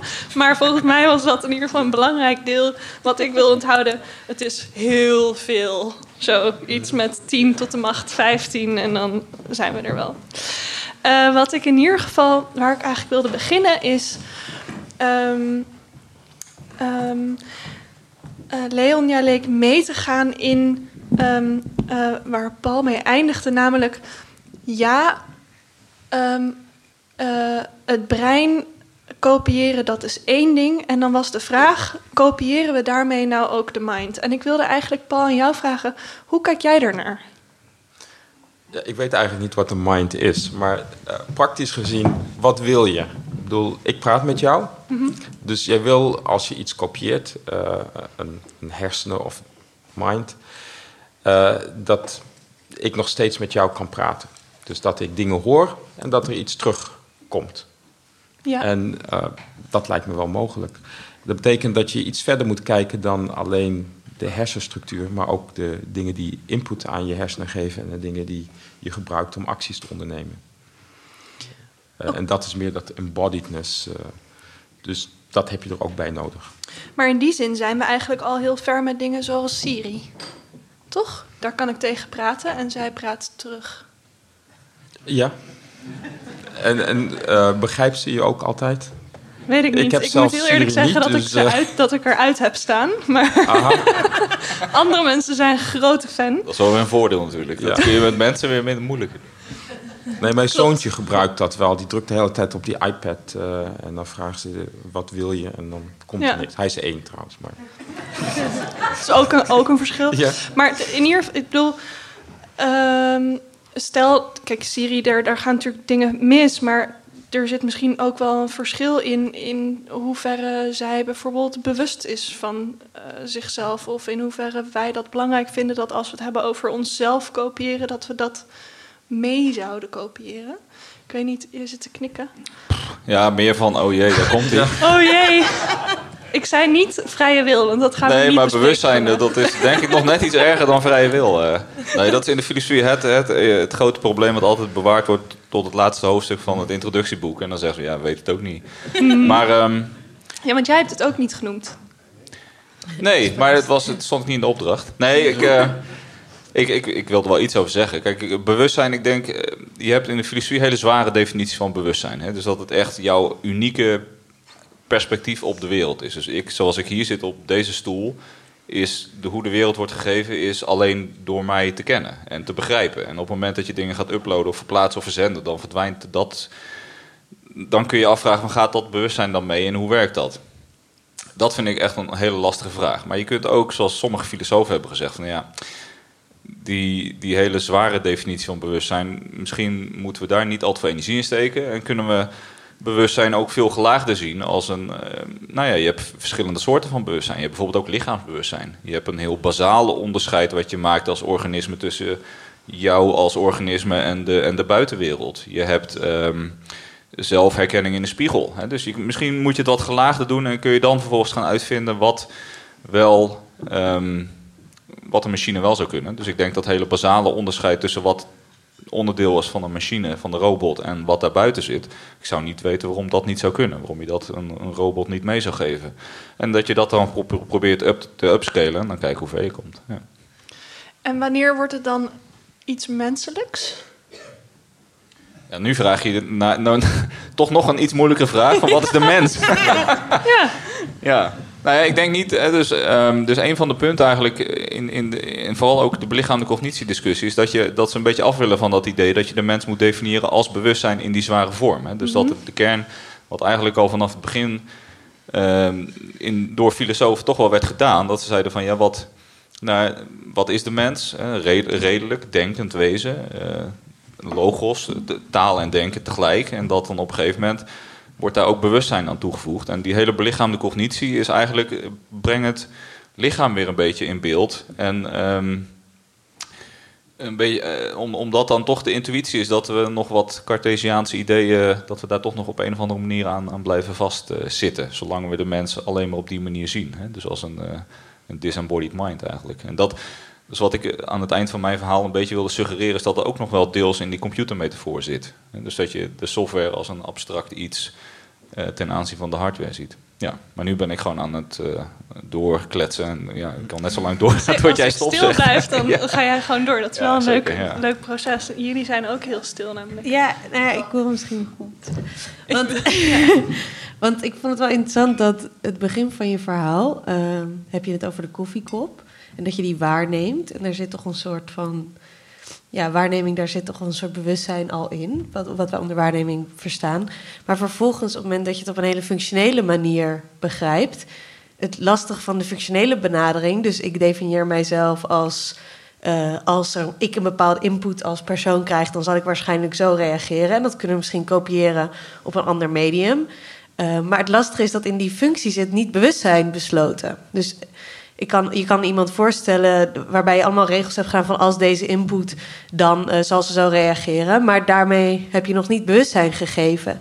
En heb je daar dan niet fundamenteel een interactie ehm, met de wereld nodig? Heb je niet die inhoud die in de wereld zit en niet in het hoofd? Nou, dus dit is het, het, het harde probleem, of het moeilijke probleem, is denk ik een betere vertaling.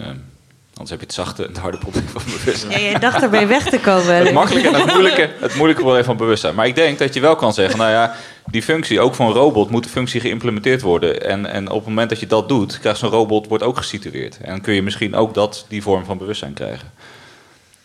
Of vind je dat... eh, Speelt bewustzijn in, eh, in ehm, het onderzoek naar hoe kunnen we nou zo'n brein of hoe kunnen we die informatie uit dat brein ehm, eh, simuleren? Speelt bewustzijn daar een rol in? Dat weet ik niet. Eh, ik denk dat ehm, het, ja, het idee wat bij neurowetenschappers waarschijnlijk leeft... is als het maar groot genoeg is... dan op een gegeven moment dan vertoont het tekenen van bewustzijn. Maar als je bijvoorbeeld eh, het hebt over beslissingen... Mhm. vind je dan bewustzijn als je kunt uitleggen waarom je een beslissing nam? Ik, laten we mij geen vragen stellen vanuit goed, maar ik stel vragen. Ja, nee. Ehm, eh, geen idee, maar ik ben heel benieuwd wat jullie ervan vinden. Vind ik het bewustzijn als je Nou weet ja, waarom je iets doet? Ik wil misschien wel even Wittgenstein bij de haren erbij zetten. Die zegt van ja, wanneer weten we nou dat iets bewustzijn heeft? De, eigenlijk alle criteria daarvoor zijn gedragscriteria. Ehm, dus misschien hangt er ook een beetje vanaf op welke manier je daar reden voor geeft. Hoe je dat volgens inbedt in sociale regels, hoe je het inbedt in eh, een manier van omgaan met elkaar. Ehm, dus in die zin is denk ik bewustzijn heeft denk ik vooral gedragscriteria. Als Eh, in, we net als in de. Turing-test. Dus ja, dat gaat dan over intelligentie. Maar het idee van op het moment dat jij niet meer iemand kan onderscheiden. eh, of een AI, een kunstmatige intelligentie, niet meer kan onderscheiden van eh, een mens. dan zou je daar misschien bewustzijn aan toekennen. Maar dat is natuurlijk super ingewikkeld. Allerlei manieren waarop een AI door de mand kan vallen, die denk ik. En, en Siri, werkt dat, eh, slaagt u voor de Turing-test? Nog Ja, niet. ik denk het niet. Ja, ja. Ja, eh, kijk, het, het probleem een beetje is met die gedragscriteria dat, dat een heleboel mensen juist bewustzijn zodanig definiëren dat het niet aan gedragscriteria voldoet. Ja. En dan kun je zeggen, ja, dat is de schuld van jullie begrip van bewustzijn. Maar je kan ook zeggen, ja, het is de schuld van die criteria. En dat is eigenlijk precies het filosofische debat. Van, is een Turing-test nou inderdaad genoeg om te zeggen... Hè, dus dat is wat bijvoorbeeld Daniel Dennett zegt van... ja, if it walks and talks and quacks like a duck, then it's a duck. En er zijn mensen die zeggen, nou ja, ook al hebben we een robot die exact op een mens lijkt... dan toch mist er iets, want het is niet helemaal mechanisch functioneel te begrijpen. Dat is eigenlijk wat je net al zelf zei. Hè? Ja. Dus daar... Dan, Toch, dan, wat mist er dan? Nou ja, dat, dat, de zware definitie van bewustzijn. Dus eh, in, de, in de filosofie wordt dat de what it is likeness of experience genoemd. Dat, dat hoe de wereld nu voor mij is, dat dat voor mij is. Dus eh Ramachandran, een, neurowetenschapper die eh, al hele leuke praatjes heeft op YouTube. Die zegt van eh, als je mij met een, een, een, naald prikt, dan kun je gewoon helemaal beschrijven hoe dat proces van pijn door mijn lichaam loopt. Kun je helemaal functioneel eh, uitleggen. Maar je mist dan toch hoe het voor mij subjectief is om die pijn te ervaren. Dat pak je dan niet. Maar dat mis ik ook als het jouw pijn is. Dus hoe Nee, weet zeker, nou dat zo'n robot niet hetzelfde... Nou, dat is exact het punt. Dat kun je niet bewijzen. Ja. Daarom is het zo'n zo'n lang debat. Dus over science fiction gesproken zijn, is ook een hele leuke serie. Over science fiction gesproken. Dit is Nou, een harde filosofie waar we het over Nee, ik refereerde aan mijn eigen praatje. Ja, sorry. Nee, ik bedoel meer omdat de science fiction fragmenten door de kamer slingeren al de hele avond. Eh, die hebben een leuke serie Real Humans, eh, volgens mij Zweeds, waarin dat en volgens mij ook in de, hoe heet dat, The World met die cowboys, ik, die ken ik niet, ik weet even Westworld, waarin da- dat dat soort problemen ja. worden natuurlijk worden verkend van oké, je hebt nu allemaal robots en oh, ze, li- ze lijken ook pijn te lijden en wanneer krijgen ze nou rechten? Want er- als je bewustzijn hebt en dingen kan voelen, dan krijg je natuurlijk alweer ethische dingen. Dus dat is misschien wel een gebied waar de sci-fi eh, ons meer kan vertellen dan eh, de filosofie op dit moment. Of is dat heel controversieel? Nou ja, ik weet niet. Eh, Ik denk ook mogelijkheden en, en toekomstbeelden die we nu nog niet helemaal scherp kunnen hebben, zijn altijd volgens mij heel bepalend voor filosofische en wetenschappelijke discussies. Ik zat nog even te denken aan, dat, aan die gedragscriteria. Want kijk, ergens is het idee dat bewustzijn verifieerbaar moet zijn in gedrag natuurlijk ook super behavioristisch. En nou, je kunt mensen voor de gek houden, je kunt ander gedrag vertonen dan, dan dat je wilt. Hè? Dus je, en manipuleren, et cetera, et cetera. Dus dat suggereert eigenlijk al dat er toch wel iets meer is dan gewoon puur... ehm, de, de, dat, dat je zegt bewustzijn komt gewoon helemaal tot uitdrukking in gedrag. Maar dat is gewoon even een voetnoot bij wat je eerder zei. Nou, eh, gewoon een getal noemen en dan vragen wat erbij Hoe groot is. Nee, waar ik wel ehm, eh, nog benieuwd naar ben eigenlijk is ehm, die, die benaderingen waaronder denk ik, eh, althans de embodied cognition benadering er eentje is die, die ik heel vaak voorbij eh, hoor komen. Ehm, die lijken op een bepaalde manier ook af te stappen van inderdaad dit soort van de mens zit alleen maar in zijn of haar hoofd. Eh, dat idee, daar, daar lijkt het een stap bij vandaan te eh, nemen. En ik vraag me af, maakt dat bijvoorbeeld ook onze relatie tot inderdaad eh, eh, dieren, of je had het over ehm, knaagdieren en primaten bijvoorbeeld, maakt het die anders? Maakt het dat wij anders naar onze verhouding daartoe kijken? Ehm, ja, ik ben eigenlijk benieuwd in eerste instantie wat jij Nou, ik heb nog een andere vraag. Ja, dat kan Als je locked in bent, eh, Ja. dan heb je die, die binding met eh, de buitenwereld toch wat minder. Maar je bent nog steeds wel bewust, denk ik. Want locked-in syndrome is dat je alles binnenkrijgt, maar niet kunt communiceren. Klopt dat? Bijvoorbeeld, je kunt Nee. kijken, eh, maar soms niet voelen en ook niet communiceren. Maar. Dus je bent, ja. Maar dan, dan vraag ik me wel af van, want dat, dat is natuurlijk iemand die wel al zijn hele leven met de omgeving heeft geïnteracteerd en bezig is Ja. geweest. Dus dat, dat roept bij mij eigenlijk de vraag op van, stel je voor, je wordt locked in geboren of als een brain in a vat. Wat, Mhm. het resultaat misschien zou zijn van een download. Ja. Om het meteen even te verbinden met het thema van de avond. Eh, kan je dan ook bewustzijn hebben? Is het niet zo dat misschien voor het ontstaan daarvan het in eerste instantie heel belangrijk is dat je een bepaalde koppeling maakt met de wereld en dat je daarmee interacteert? Of denk je dat je als brain. Ik vraag me dan altijd af van oké, is het gedownload en dan zien we die simulatie in de computer en dan. Een soort van, wat gebeurt er dan als het niet kan handelen, als het nog niks heeft meegemaakt? Wat betekent dat nou? Ja, wat ik dus interessant vind aan dat, dat onderzoek, als je dat ook leest, hè, dus dan heb ik het vooral over neurotechnologie en, en, en brain reading. Dat je ziet dat al die, die voorspellingen die ze uiteindelijk kunnen doen, en het lezen van gedachten wat ze uiteindelijk kunnen doen, daar zitten enorm, er zitten gewoon altijd trainingssessies aan vooraf, waarin je eigenlijk die relaties maakt tussen input, eh, breinactiviteit, output. En, en dat is denk ik iets wat dan vaak in het, in het populaire kopje even niet wordt genoemd. Maar dat is cruciaal. Want je kunt, je kunt niet zomaar een computer op die data loslaten en eh, met een goede Maar voorspelling dit komen. suggereert toch dat er helemaal niet hele grote verschillen zijn. Dus we hebben een brein, of we hebben een mind gedownload, die stoppen we in een computer. En dan moet die weer opnieuw gaan leren. Net zoals wij ook moeten leren van onze omgeving en van onze, ons lichaam. Nee, maar dus het verschil tussen, want dit, dit nu, eh, wat, dit onderzoek wat ik nu noem, is met levende proefpersonen. Dat is niet met, eh, met computerprogramma's. En dat, daarom vind ik het wel een heel interessant vla- eh, veld. Met menselijke proefpersonen, hoe ver kun je komen met, het, eh, met dat lezen en met dat voorspellen? Mhm. Ehm, en ook met dieren. Hè. Dus die Nicolelis heeft bijvoorbeeld ehm, al een, tijd terug zo'n experiment gedaan... waarin hij eh, twee ratten had. één in Brazilië en één in Los Angeles. En eh, motoractiviteit werd geregistreerd in ene rat... en dan via internet naar die andere rat gestuurd. En dan kijken of die andere rat er wat mee deed. En eh, nou ja, dat- ik vind, dan denk ik van, nou, dat vind ik best wel indrukwekkend. Maar dat zijn wel motorhandelingen. hè. Dus dat denk ik van, ja, dat is nog redelijk eenvoudig te lezen. En die rat die doet dan iets wel of niet. Ja, en ik ben gewoon benieuwd hoe ver dat komt dan. Ja, maar het is enigszins bullshit. Oh, zeker. Nou, de voorspelling is natuurlijk eh, nul. Dus eh, als je die eh, dingen voorspelt, bijvoorbeeld bij mensen. ehm, de vraag is, wat voorspel je precies? Mhm. Ehm, de, dat wordt brain, dat zag je dan, die letters. En soms eh, voorspel je, oh, je hebt dit plaatje gezien. Maar wat je daarmee doet, is je hebt een beperkt aantal mogelijkheden van de dingen die je kunt voorspellen. Een plaatje of die letter. En dan kijk je wat voor patronen horen erbij. Maar dat is heel beperkt. Eh, dat is niet zoals eh, ik opeens iets anders zie, dan kun je dat op die manier niet eh, decoderen. En waarom zei ik van dat eh Nicolelis-ding is een beetje. Het was een soort van publiciteitsstunt. Maar daar is ook wat moeten ze leren. Ze moeten leren om op iets te reageren. Dat is een 0-1 beslissing. Dat is hoeveelheid informatie. En hoe leren ze dat nou? Want er zit een truc achter. Ehm, je hebt twee ratten. Eén rat die moet het signaal geven. Die moet het goede doen. Eh, bijvoorbeeld eh linkerpoortje of rechterpoortje kiezen. En dan krijgt de, de beloning. Eh, dan gaat dat hersensignaal gaat naar een ander ratje. En dat ratje moet dan ook een beslissing nemen.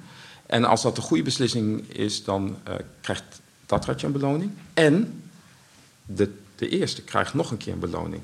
Dus je probeert het signaal wat hier uitkomt eh, zo groot te maken dat de juiste beslissing gemaakt wordt. En dat is een soort van threshold crossing. Je kunt altijd ehm, ratten leren om activiteit te verhogen. Bedoel, dat, dat kan gewoon. Dat kunnen wij ook. eh dat kun je ook mensen leren. Is Reiner Goebel, is een, eh, iemand in Maastricht. En eh, dat heet dan neurofeedback. Dan kun je in de MRI gaan zitten en dan kun je zorgen dat je hersensignaal groter wordt ehm, door feed, of tenminste naar feedback te Mhm. luisteren. Dat is hetzelfde bij, bij die ratten. Dus het is niet een demonstratie van deze rat communiceert met de andere rat. De, volgens mij was het 70, 60, 70 procent in dit experiment van de voorspelling. Dus dat is ook niet heel best. Maar ik vind het interessant wat jij noemde. Maar denk je dat dit wel mogelijk gaat zijn? Ook al is dit in dit experiment nog niet goed gedaan? Ehm, ik denk op- dus op met motoractiviteit wel, zie ik niet echt problemen. Misschien is dit Ja. een bullshit experiment. Maar ik denk, nou, dat, Nee, dat- niet? dat is hè? niet Dus- een bullshit Nou, experiment. maar Maar het is... eh, het- de, Ja, dat, de je hebt dat aan het begin genoemd, dus nu denk ik het ook. Oh, zo, ja. de, hoe- de hoeveelheid publiciteit eh, die daardoor gere- gegenereerd was, was misschien oh, iets anders, misplaatst. Maar dit is toch niet Ja. fundamenteel anders dan oh, als, als een rat je op een bepaalde manier poort, dan reageer je daarop als andere Ja. rat. Snap je? Er is, het is niet iets fundamenteel anders omdat het een Nee maar, het gaat, breinsignaal nee, maar het gaat is. mij dan. even om de mogelijkheid of je inderdaad een breinsignaal kan eh, registreren, dat via internet kan verzenden en dan bij iemand anders gaan implementeren. En ik Ja, denk maar- voor motor. Ja, maar het lastige is toch dat wat, wat in mijn brein eh, eh, een bepaalde eh, signaalpatroon, een, een bepaalde actie teweeg brengt, is in een ander brein sowieso waarschijnlijk een heel ander brein. Dus ook een, misschien een ander activatiepatroon voor dezelfde beweging. Dus dat, Dat is de Ja, vraag, maar- denk ik. Ja. ja, maar ik denk voor er motoractiviteiten valt het nog wel mee. Ja, er is een onderliggende truc. En dat speelt ook een rol bij hoe je dat spel Go leert. Ehm, je doet iets en je doet iets fout. Ja, dan doe je nog een keer iets. En dan is het beter. En Nog een keer. Je, je wordt de juiste richting opgetrokken. Het is gewoon een leereffect dan in die experimenten. Ja, als je kijkt naar jouw hersenactiviteit, jij kunt ook leren. Jouw hersenen zijn heel plastisch. En jij reageert ook op eh, complimentjes. Van, nou, het is goed gegaan of eh, sorry, geen beloning. Ehm, Ja, en op ja. die manier kun jij jouw hersensignaal verbeteren. En die flexibiliteit heb je. Eh, en de vraag is, hoe doe je dat op de meest effectieve manier? Maar daarin deel ik wel, denk ik, ook jouw eh, vraag, namelijk: kan dat ook voor andere soorten eh, dingen dan reacties of dingen of, of dit soort leerprocessen eh, waarbij je kan leren door iets goed te doen en dan een beloning te krijgen? Dus bijvoorbeeld, zou er een moment kunnen zijn waarop we, ik, ik weet het niet, een, een herinnering of ehm, eh, een associatie of dat soort dingen zouden kunnen kopiëren? kopiëren, downloaden, overzetten. Eh, je, je- eh, er zijn ook eh muizenexperimenten waarin een gedachte geïmplanteerd is. Ja, Een muizengedachte. Dat noemen, dat noemen ze gedachten. Ja. Ja. Ja, maar wat, ja, wat ik, ik vind het interessant wat jij zegt nu eigenlijk. Gewoon dat al dat onderzoek, en dat geldt dan denk ik ook voor, voor brainreading onderzoek meer in het algemeen, heeft gewoon last van zo'n leereffect. Dat je dat eigenlijk niet kan uitsluiten.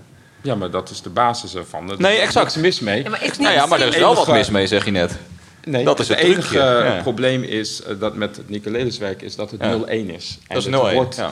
eh, gedaan alsof het, eh, je gaat links of rechts, dat is het. Ja. dat kan ik, ik kan je ook instrueren door eh knipoog te geven of zo. Ja. En op een gegeven moment eh, leer je ook, oh, ik moet links. Ja, dat is... eh, Nee, maar ik zat nu even. Ja. Je hebt ook andere experimenten. Dus van Mason en Just. Ja. Dan heb je gewoon een aantal van die natuurkundestudenten. en die moeten dan nadenken over eh, natuurkundige begrippen. En dan proberen ze dat te associëren met breingebieden. Maar ook daar, ze krijgen eerst in eerste instantie krijgen ze het allemaal aangeboden. Moeten ze heel diep over nadenken, drie seconden. Mhm. Maar je zou kunnen zeggen, ja, daar wordt dat eigenlijk ook een soort manier van zelfversterkend effect. Dus je kunt, ja, Ja. dat, dat sluit eigenlijk al een deel van dat neuroonderzoek dan. Nou, dat is een, een methodologisch probleem eigenlijk. Maar Ja, dat- dan is de, het ja. kernbegrip hier toch feedback. En dan zijn toch al die processen uiteindelijk relationeel. eh, en ook je? actief.